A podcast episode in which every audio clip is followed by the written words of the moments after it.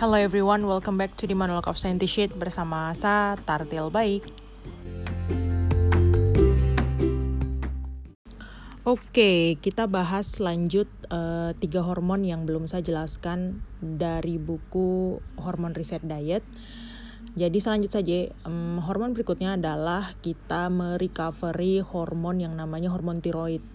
Jadi hormon tiroid ini distimulasi dengan mengkonsumsi biji-bijian. Pasti kamu aneh toh mikirnya kayak aduh kenapa harus biji-bijian kak?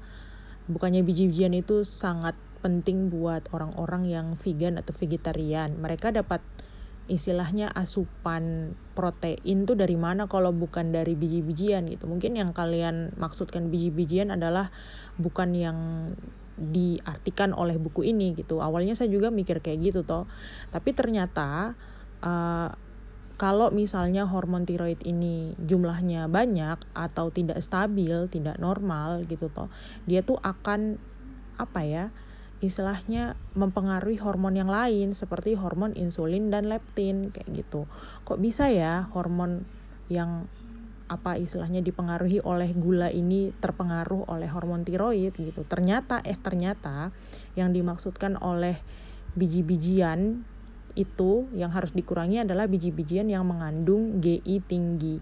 GI itu bukan ini ya Grand Mall Indonesia bukan.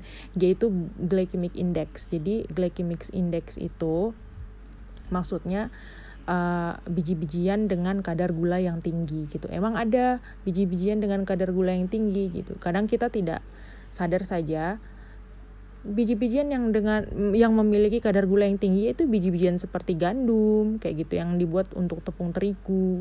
Biasa kita pakai cakra kembar. Ya itu itu punya GI tinggi gitu. Karena apa? Ya dia punya kandungan gula tinggi. Kayak gitu. Bisa juga dengan buah. GI itu bisa buah gitu. Maksudnya GI glycem glycemic glycemic index glycemic index yang tinggi itu bisa juga asalnya dari buah gitu tapi karena ini adalah tentang hormon tiroid jadi kita berusaha untuk meminimalisir konsumsi biji-bijian. Kayak gitu. Nah di dalam biji-bijian itu juga itu sebenarnya ada protein ya. Seperti yang tadi saya sampaikan ya dari buku ini juga merekomendasikan untuk mengkonsumsi biji-bijian yang mengandung protein. Jadi biji-bijian yang punya angka GI tinggi itu juga punya kandungan protein. Tapi kandungan protein yang ada di biji-bijian seperti gandum, barley, rye itu uh, itu adalah nama-nama gandum yang ada di luar negeri yang itu sebenarnya kita familiar tapi namanya lain saja di Indonesia kayak gitu.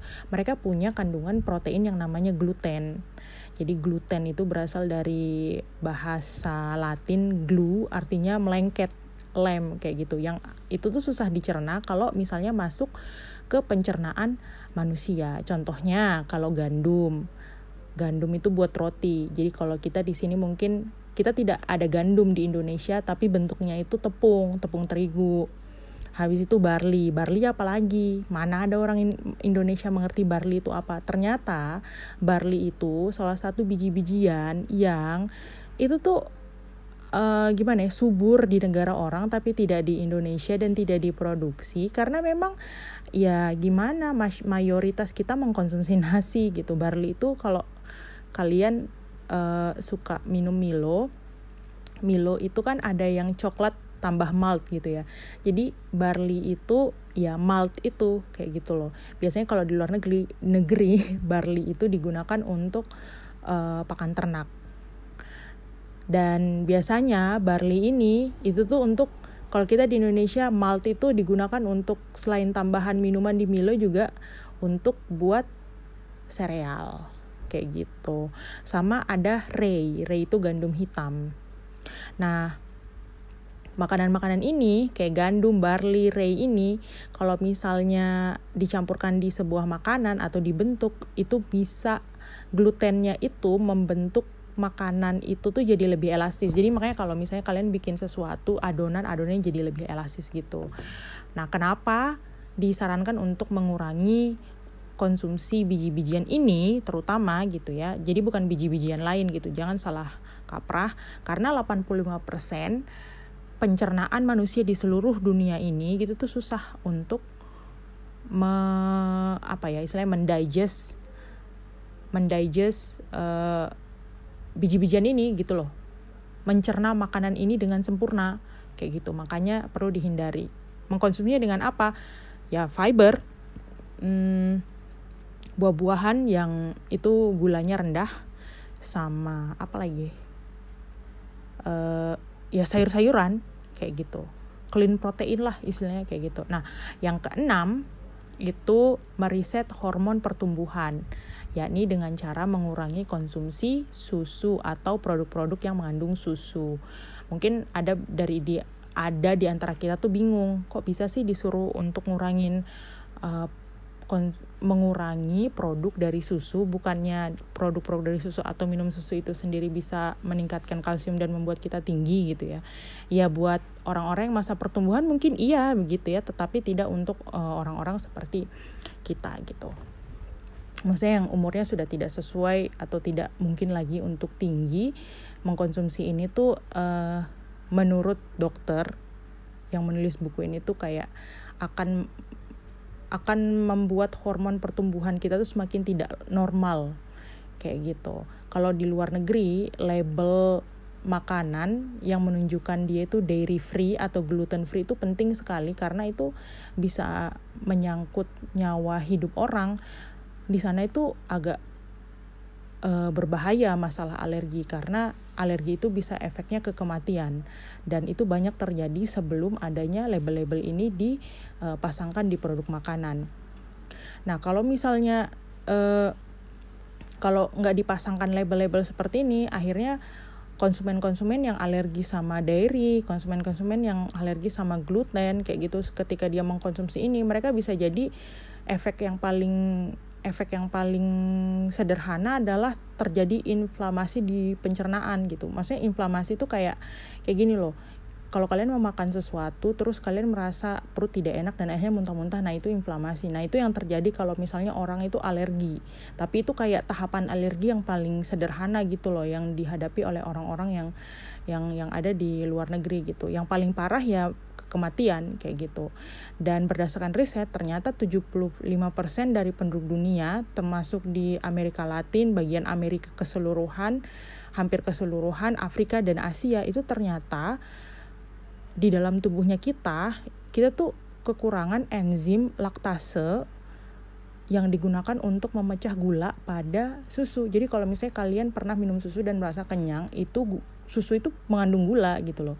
Jadi yang ada ase-ase di belakang kayak fruktosa, osa ase, gluka, glukosa, terus laktosa, osa deng bukan ase ya. Osa kayak gitu-gitu. Itu tuh mengandung gula. Nah, susu kalau misalnya kalian minum susu dan ternyata kenyang ya karena gul karena susu itu mengandung gula kayak gitu loh. Dan nama gulanya itu laktosa. Laktosa itu kita nggak bisa ditelan bulat-bulat dalam tubuh. Dalam tubuhnya kita tuh butuh apa bentuk kecil dari gula itu sendiri. Makanya ada yang namanya enzim laktase dalam tubuhnya kita. Makin kita tua makin kita bertumbuh besar gitu laktasenya kita itu semakin sedikit. Jadi wajar kalau misalnya banyak orang yang semakin tua itu dia punya apa ya resistensi terhadap mengkonsumsi dairy produk atau produk-produk dari susu itu semakin rendah. Kayak begitu. Nah yang membuat kita tuh tapi mungkin ada yang mikir tapi satu suka sekali sama produk-produk seperti krim, dairy produk, pokoknya yang berbau susu dan lain sebagainya, latte, apa segala macam.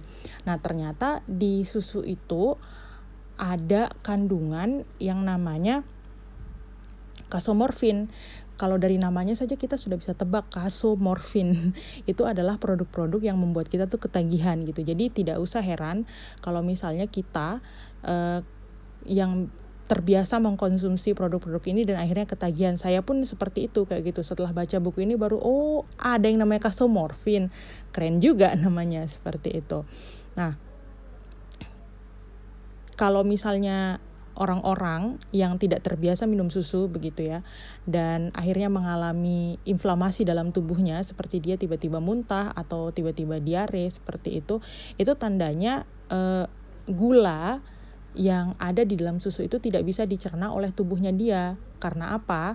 Karena uh, ya ya dia dia nggak punya dia nggak punya enzim untuk memecah gula itu gitu loh makanya dia disebut dengan laktos intoleran kalau uh, apa namanya bahasa akademik atau bahasa medisnya disebut dengan laktos intoleran kayak gitu. Nah, ada juga orang-orang mungkin mungkin uh, gulanya bisa dicerna tapi proteinnya tidak. Protein di dalam gula itu disebut dengan kasein. Nah, kasein yang tidak bisa dicerna dalam tubuh itu namanya kasein intoleran kayak gitu. Nah, kedua ini biasanya semakin kita tua itu jumlahnya akan semakin sedikit. Makanya mungkin orang-orang tua tuh agak sedikit rentan mengkonsumsi produk-produk ini. Kayak gitu. Nah, hubungannya tuh apa sih dengan apa namanya diet? Mengkonsumsi uh, apa namanya susu. Mungkin ada yang mikir kayak gini karena susu mengandung lemak. Ternyata bukan itu. Saya juga pertama mikirnya gitu toh habis saya cari-cari ternyata tidak ada jawaban yang seperti itu. Ternyata dengan uh, mengurangi konsumsi produk dari susu atau itu susu, susu itu sendiri itu tuh akan berdampak uh, kepada normalisasi beberapa hormon seperti hormon insulin sama kortisol. Jadi uh, apa namanya ya sebenarnya ada sih maksudnya kayak ya karena lemaknya gitu. Maksudnya ketiga hormon ini kayak hormon pertumbuhan insulin sama kortisol itu ternyata dia mengontrol lemak yang ada pada perut kita kayak gitu. Kenapa juga alasannya kita tuh sebaiknya menghindari bukan menghindari sih lebih kayak mengurangi produk susu ini untuk dikonsumsi kayak gitu. Karena eh, sejak tahun 1994 kayak gitu eh, hormon pertumbuhan. Hormon pertumbuhan itu oh sorry hormon pertumbuhan hormon pertumbuhan sintesis itu sudah disuntikkan ke badan sapi-sapi dari dulu kayak gitu. Makanya ada yang disebut dengan uh, sapi yang khusus untuk diperah ada sapi pedaging kayak gitu. Hormon itu tuh digunakan untuk memproduksi susu agar lebih banyak dan ototnya lebih besar. Nah, concernnya dokter atau dari kesehatan itu hal-hal seperti ini harus dihindari karena yang segala sesuatunya berbau sintesis itu tidak akan baik buat tubuh manusia gitu. Karena hasil dari sapi itu susu atau dagingnya itu kan nanti dikonsumsi sama manusia gitu. Jadi dampaknya itu bisa kayak beruntun gitu loh. Makanya tidak disarankan untuk mengkonsumsi susu atau produk susu secara berlebihan. Kayak gitu. Yang terakhir uh, hormon testosteron. Kalau hormon yang pertama sekali estrogen itu untuk perempuan, uh, testosteron ini biasanya banyak di laki-laki. Nah, fungsinya apa? Fungsi hormon ini tuh untuk uh, apa ya? menstimulasi atau memaintain perasaan tenang dan damai pada diri kita seperti itu. Dengan cara seperti apa? Itu bisa menggunakan toxic free product. Kalau di hormon yang terakhir ini lebih kepada saran menggunakan barang-barang atau benda-benda produk-produk yang itu tuh uh, apa namanya sustainably sustainably eh, sustainable ya. Environment environment sustainable.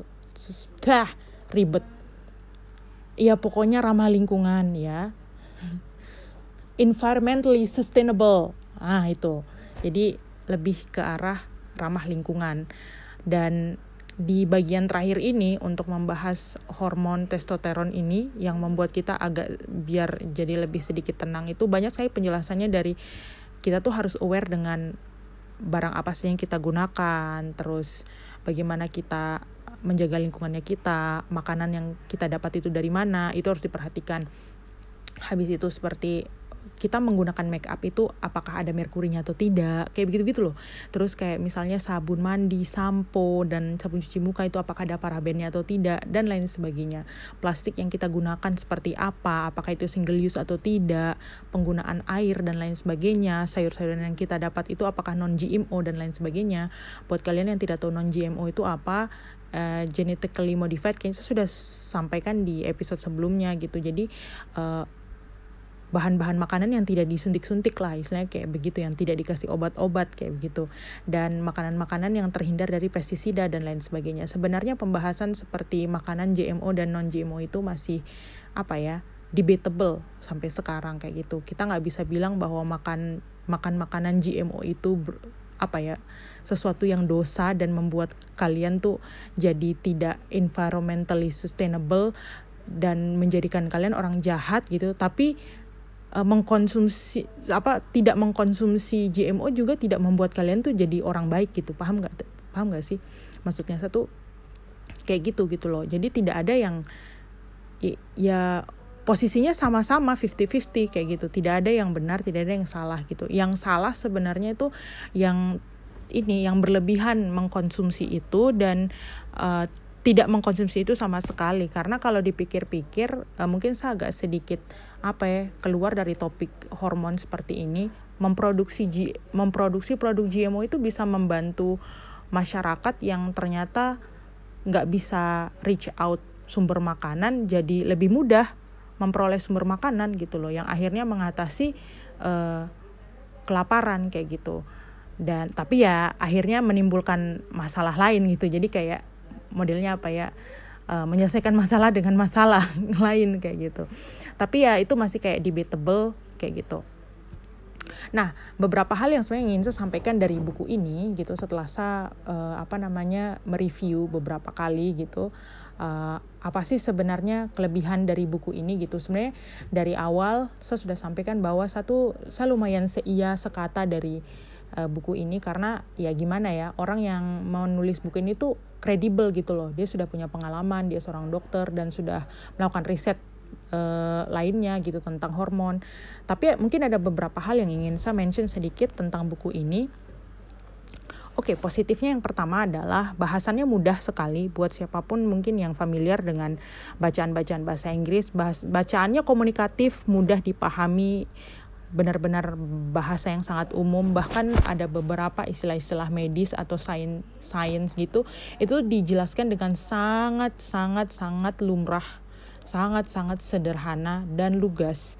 Jadi kayak gimana ya gampang lah untuk dibaca. Baca on the go di kendaraan atau lagi nunggu orang ini gampang sekali untuk diingat. Yang kedua, buku ini tuh seperti tadi yang sudah saya sampaikan, kenapa dia menarik dan trustworthy, misalnya gitu, reliable, terpercaya karena ya beberapa informasi yang disampaikan di sini seperti yang sudah saya sampaikan di beberapa episode, dua episode sebelumnya itu ya berdasarkan hasil riset atau hasil studi sehingga itu tuh kayak gimana ya memang benar adanya kayak gitu. Kalau misalnya kita mau melawan dari situ ya mungkin ada perubahan riset lain yang sudah orang lakukan kayak gitu ya. Tapi sebagian besar uh, hasil dari apa yang dituliskan oleh dokter ini adalah hasil sebuah studi gitu. Yang ketiga, uh, buku ini dikonsultasikan kepada beberapa ahlinya seperti ahli hormon yang sudah saya sampaikan di uh, part pertama kayak gitu dan beberapa ahli lainnya ya karena dia dokter dia tidak mau menyampaikan atau menuliskan informasi yang misleading atau membuat orang tuh jadi kayak bingung kayak gitu. Nah, yang keempat rekomendasinya ini mungkin kayak backwards dari buku ini KP disadvantagesnya kekurangannya mungkin kayak rekomendasinya terlalu fancy menurut saya. Kayak kalau misalnya kalian baca ulang uh, bagian toxic free product untuk menormalisasi hormon testosteron itu itu tuh banyak sekali rekomendasi cara membuat protein shake yang enak kombinasi buah yang aduh pokoknya menu-menu yang itu tuh kadang kalau saya lihat dia punya produk ini kalau misalnya saya tidak punya produk ini di Indonesia bagaimana? Berarti saya punya diet gagal saya mikir begitu tuh kayak ih kayak kayak gimana? Kayak tidak cocok saja untuk diet di Indonesia kayak begitu. Tapi uh, untuk penjelasan secara umum untuk apa ya informasi-informasi hormonnya saya yakin itu kayak gimana ya lumrah sekali. Tapi saya juga percaya kita di Indonesia ini ya mungkin lebih menyesuaikan dengan kebutuhannya kita yang ada di Indonesia gitu. Ya ya itu yang sudah saya sampaikan di awal disclaimernya adalah memang rekomendasi-rekomendasi makanan diet dan lainnya sebagai lainnya sebagainya di buku ini adalah berdasarkan pada western style western diet style. Jadi ya kalau misalnya kita tidak bisa mendapatkan rekomendasi-rekomendasi yang dia tuliskan di buku ini sudah. Uh, mungkin buat orang yang putus asa dietnya mungkin dia berhenti ke apa kayak gitu. Menariknya um, saya beberapa hari ini scrolling saya punya Instagram dan saya menemukan ada metode diet yang sebenarnya cukup dekat dengan uh, apa ya buku yang saya baca ini buku yang saya rekomendasikan ini. Ada namanya tuh komunitas DEBM dan kemarin di komunitas DBM ini ya ampun itu tuh rame sekali sampai dikritisi oleh kalau tidak salah tuh in apa seleb selebgram yang memang passion sama hal-hal berbau diet dan makanan kayak begitu loh. Nah, setelah saya apa ya mengobservasi DEBM ini diet enak dan menyenangkan kah kalau tidak saya DB, DEBM itu itu tuh dia mengurangi produk gula tapi meningkatkan produk garam. Jadi kayak dia taruh fitsin dia ngomong micin. Dia ngomong micin tuh jelas-jelas dia punya iklan di Instagram. Ya taruh micinnya ya bun. Kayak begitu kita bilang astaga Tuhan micin banyak. Dia kayak tumpah ruah. Tapi ya karena dia memang masak telurnya banyak. Oh ya dan satu lagi dia punya protein andalan itu telur. Dia punya protein andalan telur susu dia ganti dengan santan fiber dia ganti dengan sayur-sayuran. Dia tetap makan ayam dia tetap makan ayam. Paling seru tuh dia makan sosis Kenzler itu. Habis itu pokoknya makan keju juga makan keju tapi kejunya dari keju apa? Keju Mekka apakah? Kalau tidak salah. Habis itu tuh pokoknya tidak konsumsi gula sama sekali tidak konsumsi maksudnya tidak konsumsi nasi tidak konsumsi uh, karbohidrat seperti mie kayak begitu. Dan takaran takaran apa namanya gulanya itu dia tuh pakai gula diet yang tropical naslim kalau tidak salah. Pokoknya gula gula diet lah produk gula diet apa pun itu satu saset satu hari. Kalau misalnya dia taruh tuang di makanannya itu tiga saset berarti itu makanan untuk tiga orang. Intinya seperti itu. Sama sosis Kenzler juga itu tuh dia punya takaran itu satu hari itu satu. Kalau misalnya makannya tiga dalam satu serve itu berarti untuk tiga orang kayak gitu sisanya makan makan telurnya tuh bebas. Sebebas bebasnya kalau satu hari kalian mau makan satu rak tidak apa-apa. Yang penting jangan makan uh, apa namanya sumber karbohidrat. Sayur-sayuran makan mereka. Ikan-ikanan makan ayam makan mereka. Terus uh pokoknya sayurnya tuh dibuat se taste-nya orang Indonesia sekali lah pokoknya. Kalau misalnya pengen craving apa makanan seperti cake apa segala macam dia ganti dia punya tepung tuh dari tepung Nutrijel kayak begitu. Saya tidak kebayang rasanya seperti apa. Yang jelas buat orang yang mau diet, setelah saya baca reviewnya ternyata memang benar bisa menurunkan berat badan 2 no 3 sampai 5 kg per minggu. Ajaib. Dan berapa minggu itu bisa turun 2 minggu kah?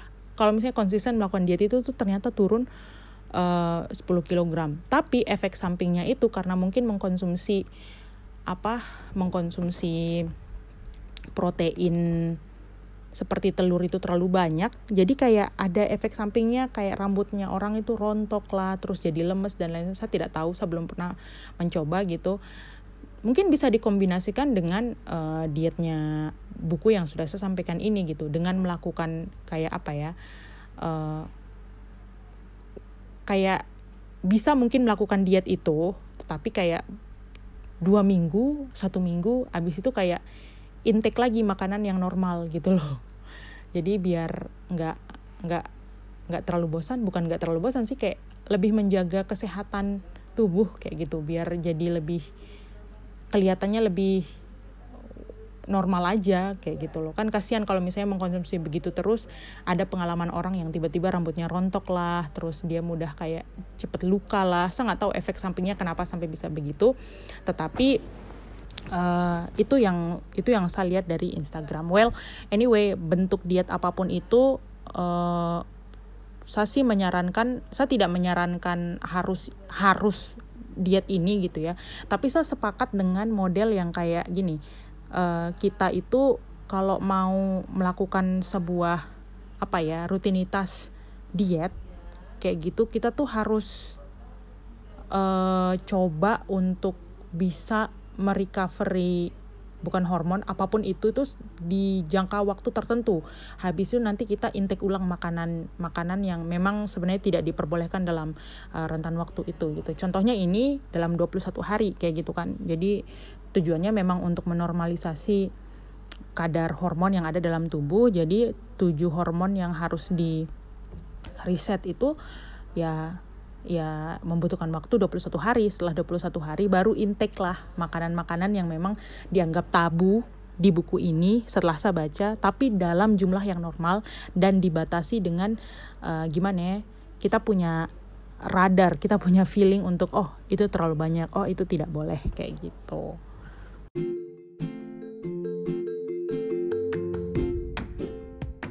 Yuhu, akhirnya kita sudah selesai membahas sebuah buku yang judulnya The Hormone of Reset Diet. Uh, dan saya punya apa ya tanggapan mengenai buku ini adalah sederhana. Uh, saya mungkin tidak bisa menjalani apa yang direkomendasikan oleh dokter ini karena I think it's too fancy seperti yang sudah saya sampaikan banyak sekali hal-hal yang mungkin tidak saya sampaikan di buku ini karena memang um, terlalu kompleks dan intinya sih sebenarnya dia cuma menjelaskan tujuh hormon ini saja Uh, kalau saya sih mau ngambil jalan tengahnya gitu ya, tapi kalau menurut kalian uh, akan lebih baik mengikuti langkah-langkah dokter, silahkan gitu. Kalau saya sih tetap mengkonsumsi makanan-makanan tersebut kecuali alkohol of course karena saya muslim saya tidak boleh mengkonsumsi barang seperti itu. Dan dikonsumsinya sesuai dengan takaran kayak gitu, tidak terlalu sedikit juga tidak terlalu banyak. Serta diimbangi dengan exercise. I think that's fair enough kayak begitu.